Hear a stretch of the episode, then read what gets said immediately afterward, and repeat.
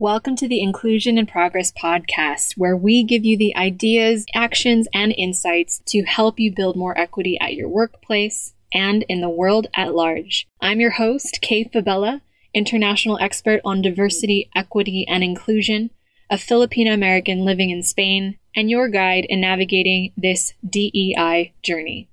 Having worked with teams at companies such as Philips, the IMF, Red Hat, PepsiCo, and more, I know firsthand that the work of inclusion only works when everyone has a seat at the table.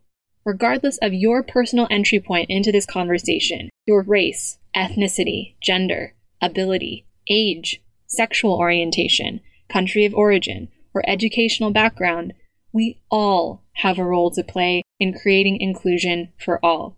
And it starts with us having conversations we need to create the change we wish to see. So let's dive into today's episode.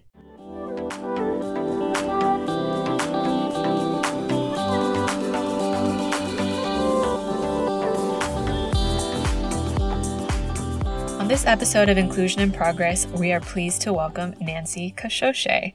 Now, Nancy and I first connected when our company was hired to deliver a series of workshops for the women's network that she runs, Philips Women Lead the largest women's network at her organization, Philips, that she founded and scaled successfully. And in getting to know Nancy and the incredible team that she's built, I knew that we had to have her on the podcast. Not only because of the work that she's doing in her corporate career in healthcare, but all of the work she's doing to move forward equity and inclusion outside of her organization. So she's a storyteller, an entrepreneur passionate about ensuring equitable access to people, platforms, opportunities, and resources for all. She is also co-leading a higher education access fellowship program for Africans she is also the host of B Squared C podcast, where she's celebrating the stories of women of color in the corporate world. I know you're going to love Nancy's energy. It is infectious, and she's going to be sharing all that she has learned of not just scaling the women's network that she founded, but how she is leading all of those different initiatives, both within her organization and outside of it. So let's dive into the episode. All right, Miss Nancy, welcome to the show. I'm so glad we have you on. Thank you for being here. Hey, it is so good to reconnect with you. How are you doing? I'm good, thanks. I'm really excited for our conversation today. How about you? Me too. Since we were connected and then we we brought you into Philips, we had a really wonderful time and connection with your work. I'm a huge fan. And my biggest thing with all of you guys who are actually deep in the DEI work is I have so much respect for you because I am just an ERG leader next to my work or just a DEI person next to my actual work. And I just lose patience sometimes in this space. And I can't imagine being in it all the time. I know. mean, I will tell you, it is a marathon, not a sprint, Nancy. But I have mm-hmm. to say, like you said, we collaborated together because of our, our well, your work with Philips, with Philips right. Which we're going to dive into today. And mm-hmm. I just was so blown away by your work and was just so excited to have you on the podcast. So, yeah. Yeah, I'm so excited to share your story with our listeners. All right. So, let's dive right in.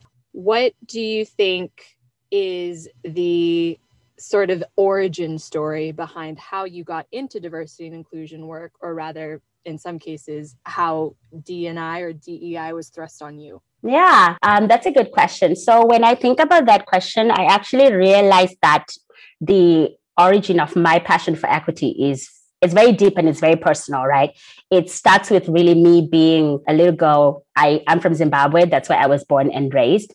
And I was sort of just like this rebel, this intellectual rebel who questioned society in many ways, right? I think my parents were quite tired of me and my arguments about like, why do we have bride price or something like things that were like repressive to women. I would be questioning them all the time when I was little. So I think I've just always carried that passion of I always wanted to be my own person. I always believed that I deserve like success and, and my dreams as much as everybody else. But I grew up first in a society that didn't really allow me that space. And then I continued to be that person as I navigated through like high school to college. I always looked for opportunities to challenge perceptions about women, about Black women, about Africans. Yeah, fast forward many years later, I now actually have functional things that I've built to do this work in. Yeah, it really comes from way back when I was just a very annoying arguing person that made my grandma really upset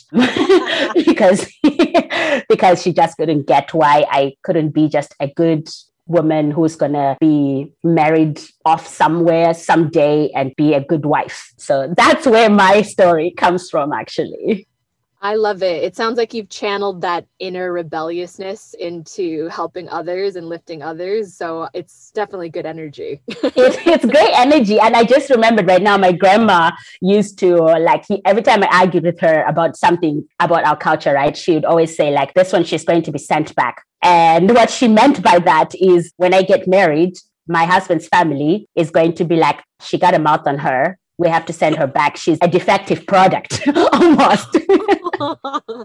I know it sounds terrible. Bless her heart, my grandma, she passed away maybe a decade ago or so. But I think that's the cultural context of her understanding of who I should be. I think I always wanted to paint my own picture and write my own story since back then. I don't think I defined it then, but now I have the words and the language to define what that was and to actually live that purpose in my life right now.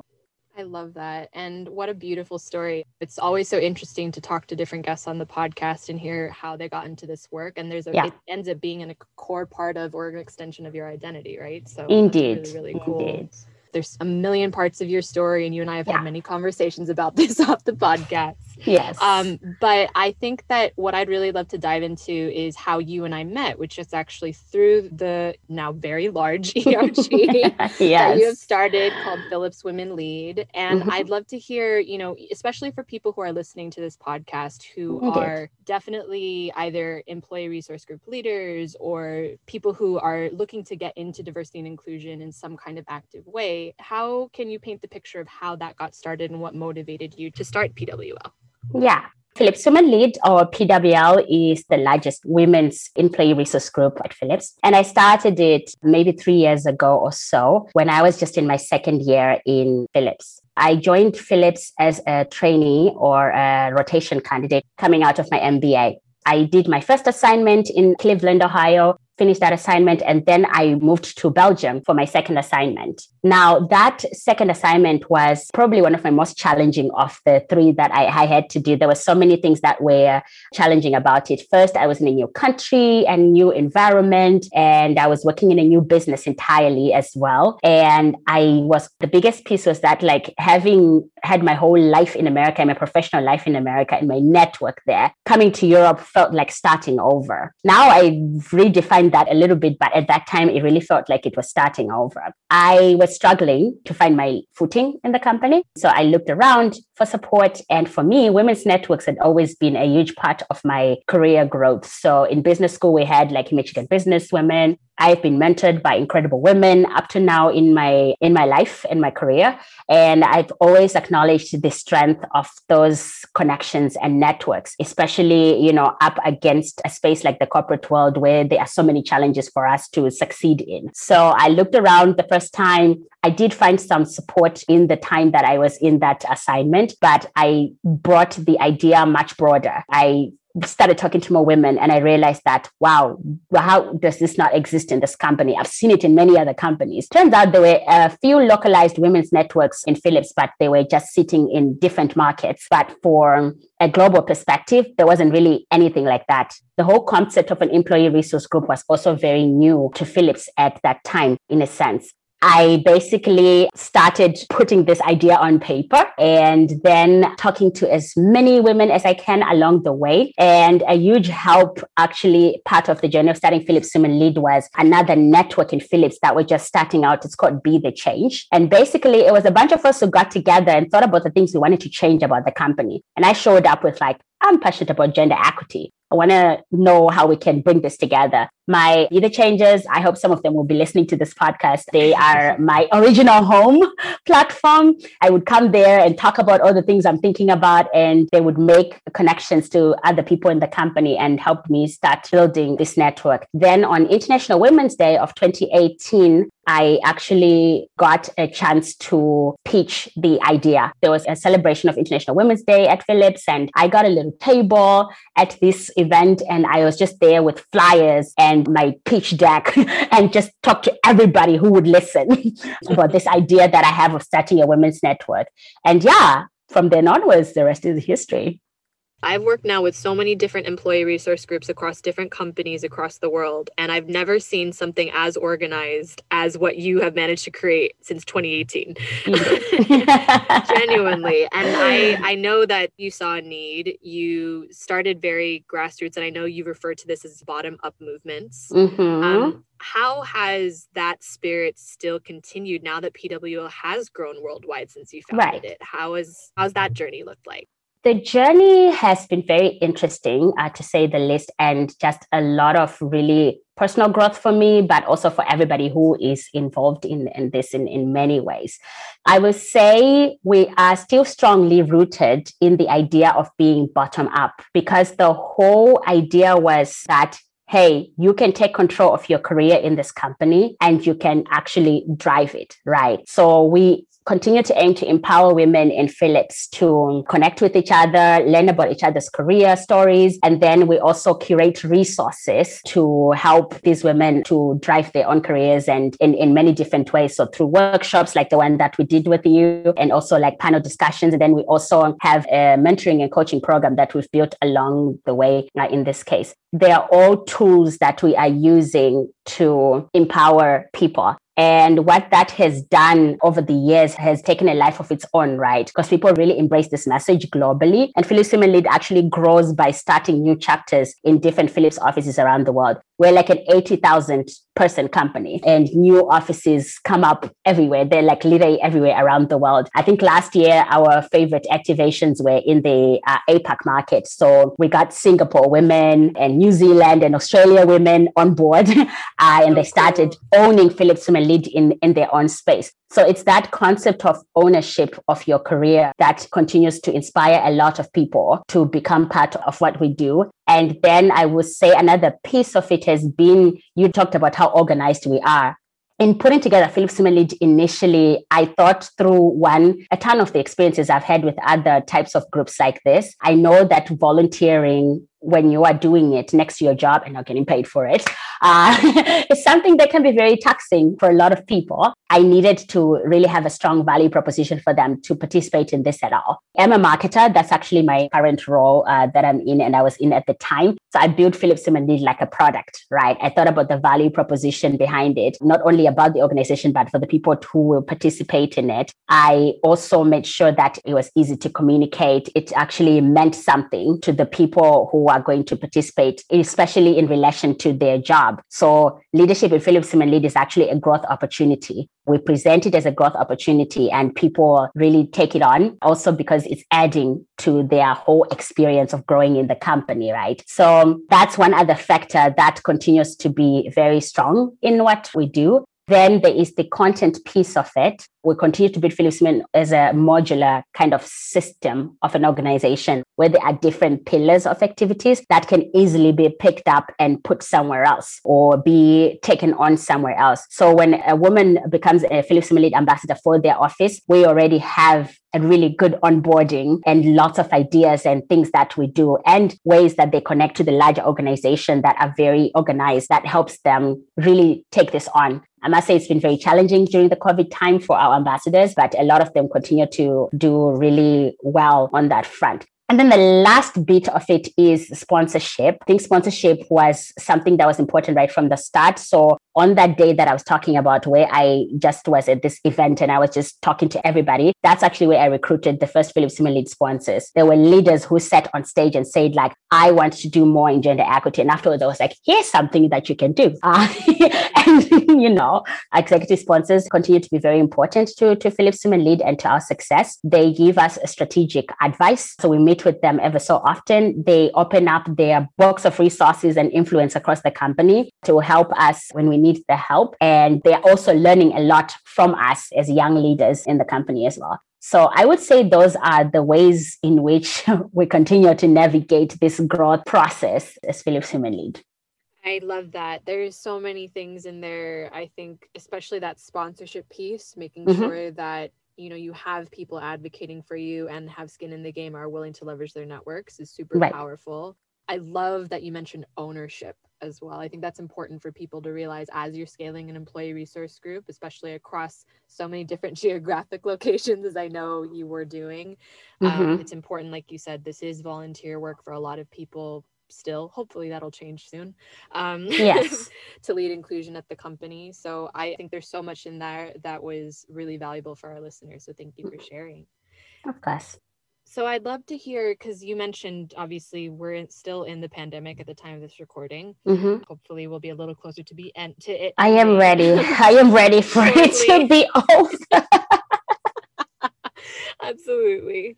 But I think that you touched on a good point, right? Because you have shown just by Philips Women Lead how powerful groups like PWL employee resource groups or business resource groups, as I know they're referred to in other places, mm-hmm. are so important in creating inclusion at work. And you're mobilizing an entire group of people, right? So, right. Mm-hmm. what would you say that maybe companies who don't necessarily understand the value of them or don't even really realize how they can partner with them strategically are missing out on when it comes to creating greater inclusion? Right. You mentioned that I, I, talked about ownership, and that's actually the most powerful bit of employee resource groups that they are the voice of employees. Women Lead is a bottom up voice into the bigger inclusion conversation happening in Philips.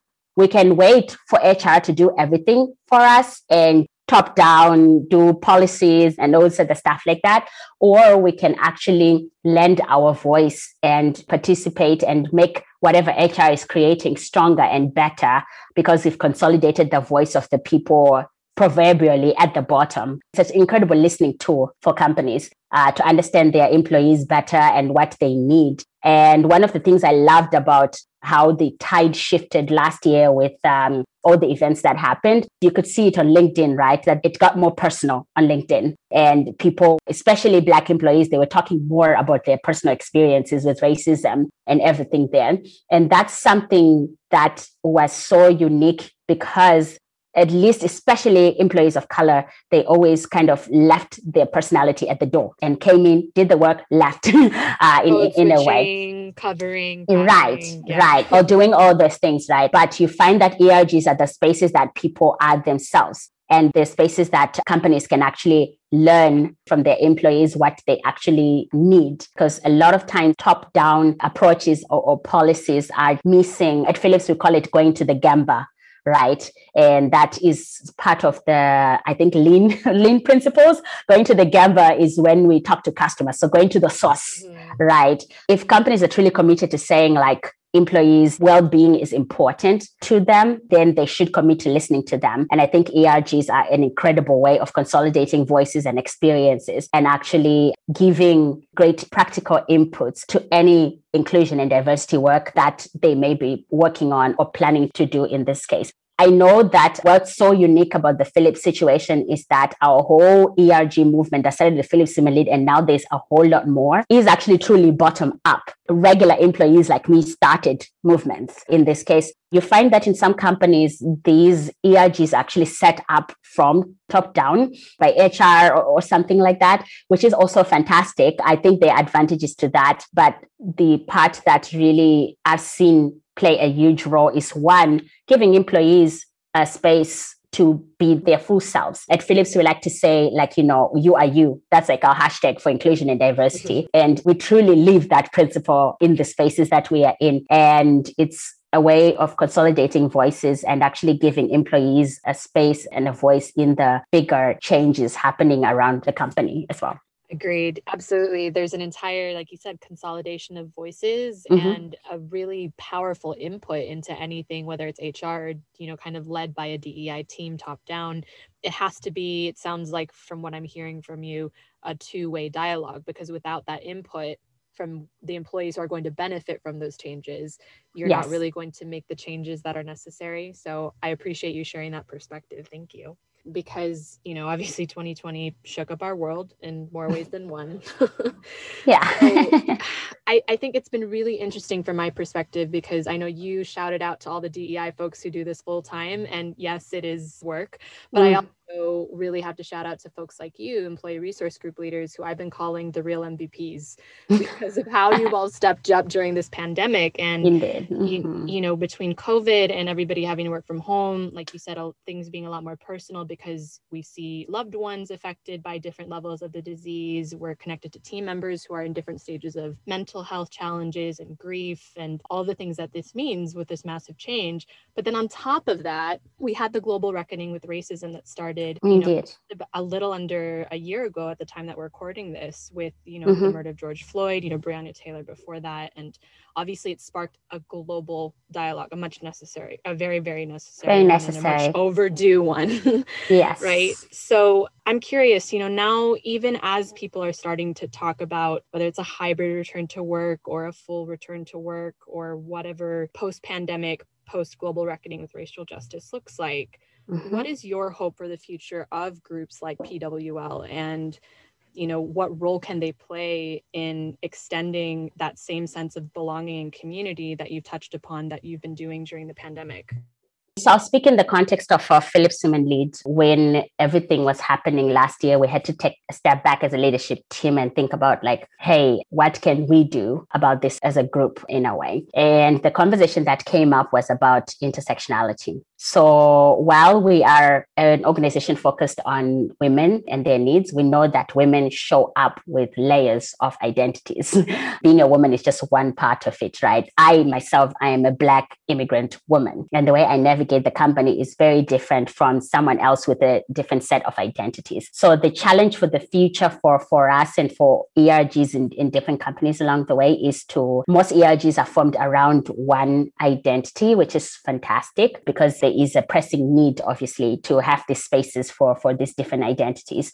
But um, how do we pull pull pull all that energy together to uh, build an intersectional approach to inclusion uh, within our company. That's the challenge I see uh, in in the future. That was definitely triggered, at least for us, by last year. And for us, it's how do we continue to build and represent women in their full identities in the company, and also how do we bridge the understanding the gap of understanding to our leaders right and to our, to our hr about this and, and, and the importance of this so that's one thing that i see as um, uh, an interesting thing in the in the future of, of ergs in general another one is for us um, we spent the this last three years building uh, around connecting, right?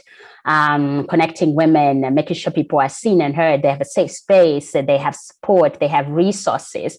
But I recently was challenged by someone uh, on that approach um, in terms of that it's very individual focused, right?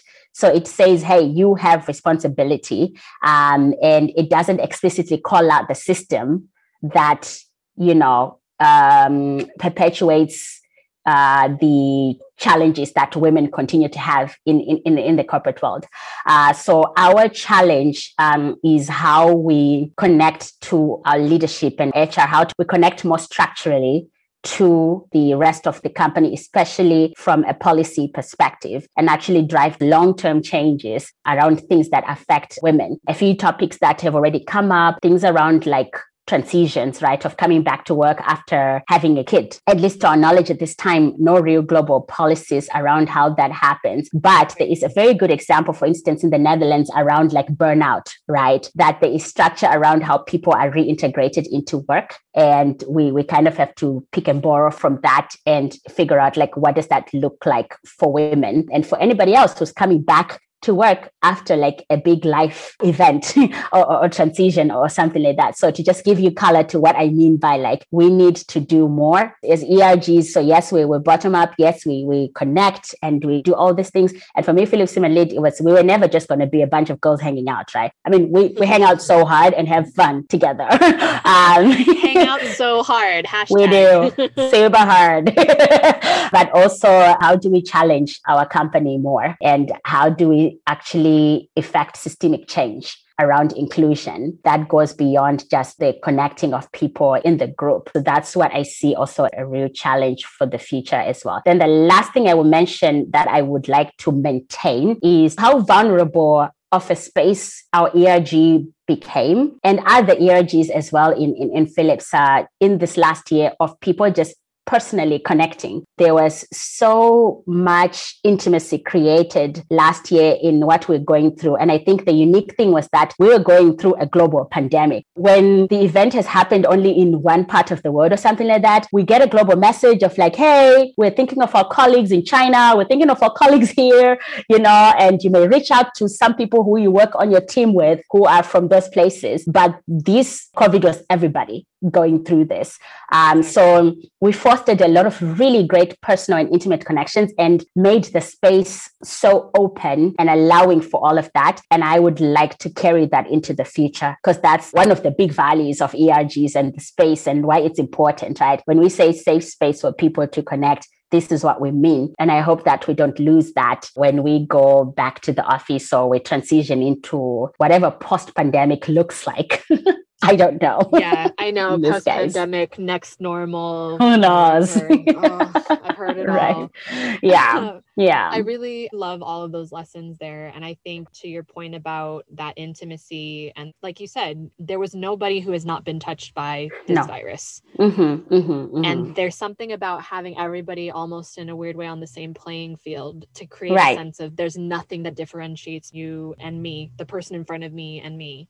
Yeah. Um, so the fact that you're not just facilitating and creating that space through this group i think is super powerful and that employee resource groups i know i've seen everywhere have been doing that i really hope that we don't lose that yeah. i agree with you and to your point about intersectionality there's something really powerful when you think about all those different identities the largest identity sort of catch-all is actually women because of how many mm-hmm. different mm-hmm. groups fall underneath that so mm-hmm. i appreciate that you're also sharing that it's not just something that you're thinking about but really it goes how can we change the conversation of inclusion from what individual identity gets a seat at the table gets mm-hmm. priority this month for this you know awareness month or event or whatever and more about how do we acknowledge that people are complex and have two or three major identities that shape their experiences and how do we systemically change that at work. And so i love those reflections nancy thank you. Yeah now, yeah. I, I think i just want a feature in which uh, let me just add this one bit. I want a feature in which for instance when philips thinks about women in leadership right they are actually mm-hmm. thinking of layers of identities because currently what you see under this imperative is it's been really great for white women and that's great they also have been challenged in the workplace to get into leadership but the thought is not complex enough. The effort is not complex enough to encompass the identities of women in general. So that's for me, at least one of the best ways to think practically like, what does the future look like when we are truly intersectional in this mm. case? I love that. That's so awesome. Well, I know you're doing so much at PWL. I also know, and I want to make sure we highlight for our listeners, you also have B Squared C, your own yes. podcast. I do not know how you find the time to do this, Nancy. um, every season you're highlighting black women sharing their professional and personal stories. And yeah. I've managed to listen to a few episodes and you're mm-hmm. just as effervescent over there as people listening. So i highly encourage folks to check that out. But i think you know just to dovetail off of what you said about that intersectionality piece why do you think initiatives centered around women of color and in your case you know black women specifically are critical to gender equity? It's really about well, you already mentioned it, right? It's really about intersectionality. Just to introduce B what B Squared C is to people, B Squared C is a multimedia platform that I am building that is about highlighting stories of women of color in the corporate world, in particular, uh, Black women. And why I did this and why I thought of building this platform was really realizing that, well, first off, I didn't have a lot of role models to look up to who look like me for the places I want to go to in the corporate world. You will see women, but you will not see like black women in this case. And the fight, like I just mentioned before, that there is like a missing complexity to how this problem is being solved right now that I would love companies to think more broadly about in the future. So I didn't have any role models. And then often people like me are like the only one of us in the rooms that we are in, in the spaces and the teams that that we are in. I'm building a space where women like me can find each other and inspire each other and connect and actually get support for their career growth and where they want to go in the future. So it was important to specify the place to be about Black women because of literally these issues that when gender and race interact, the impact or the marginalization is very different level than when you are just talking about one identity. And exactly and yeah and this is so important in the just the whole equity movement to understand. Because for instance when we say that there is a gender pay gap of this much for women actually we should actively always be breaking it down to say this for black women this for hispanic women this for like white women right? Because there isn't a blanket experience across women as a whole. I mean they're shared experiences but we've known that they are like layers to those experiences depending on the other parts of your identity in, in this case so it's so important for me to take black women's voices and stories and highlight them so that people know of our presence people know of our brilliance they celebrate Black Girl Magic, which is my God, my guests are always amazing in this uh, case. I celebrate and cheer that every day. yes, okay, um, and uh, it's it's important that this space also exists alongside all the other things that I do because it is acknowledging that intersectional impact of our identities and why not everybody starts at the same place right? That's why, and I think you've talked about this before, the language that we use in this space is so important. Equality versus equity where you have equality is uh, well i guess the underlying assumption for me with that is hey everyone is starting at the same place. So if we provide them resources they will all rise at the same rate. But equity is actually acknowledging that no others are starting way further or way behind in a way. And we have to do more. We have to put more effort to actually raise them up to the same level as others before we can say we're equal in this sense. So that's why B squared C is so important to me. Besides the fact that I'm a storyteller, I love storytelling. So I found a way to take my talent and contribute to the bigger conversation about equity. Also, B squared C has been more than just, you know, the podcast appearances for my guests. So season one podcast C- uh, guests already had so much great stuff happening to them after people had listened to their stories. So beyond just being just a podcast and, and, and storytelling or something like that, this space means something. And that's the thing I keep holding on to because it's personal for me and for the people who come onto it and the people who listen to it as well. And I will continue to build it and protect it for women of color because it's that important in the bigger equity conversation that we have our own voice in this case. So powerful. Thank you, Nancy, for all that you do. I mean, your energy shines through for, I'm sure listeners are going to be writing and saying, like, wow, this woman's a powerhouse. because I definitely felt that way when I first came across you. And yeah thank you for gracing us with your wisdom for the work that you're doing with PWL, with B Squared C. And I'm sure some other little girl now in Zimbabwe who finds this episode is going to be like, huh, somebody who looks like me is doing yeah, this. doing this. Oh, that would be the, that's the best. that's cool the best to think about. That would be, that would be so cool. Now, thank you so much for having me, Kay. As mentioned earlier on, I am a huge fan of you and your work and the authenticity that you bring to this work. I hope that beyond this, we can still work together in the future in, in other ways. And I really, really appreciate your voice and your advocacy and um, and yeah, much respect for being a DEI professional because I don't think I could actually do this full time. you know, the mad respect goes back your way, Nancy. Thank you. Yes. I really appreciate that.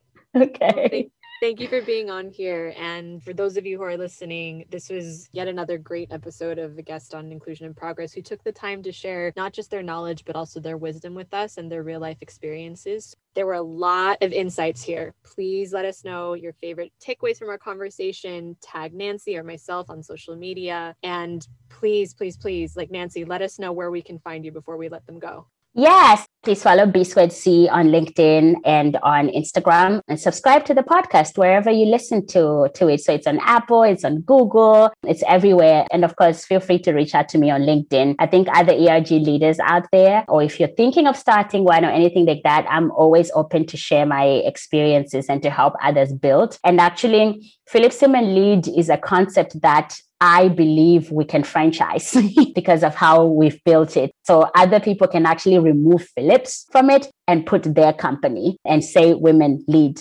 and actually do all of the similar, very similar things to what we're doing. So please reach out. Everybody continue to stay safe and let's get to the end of this pandemic together still.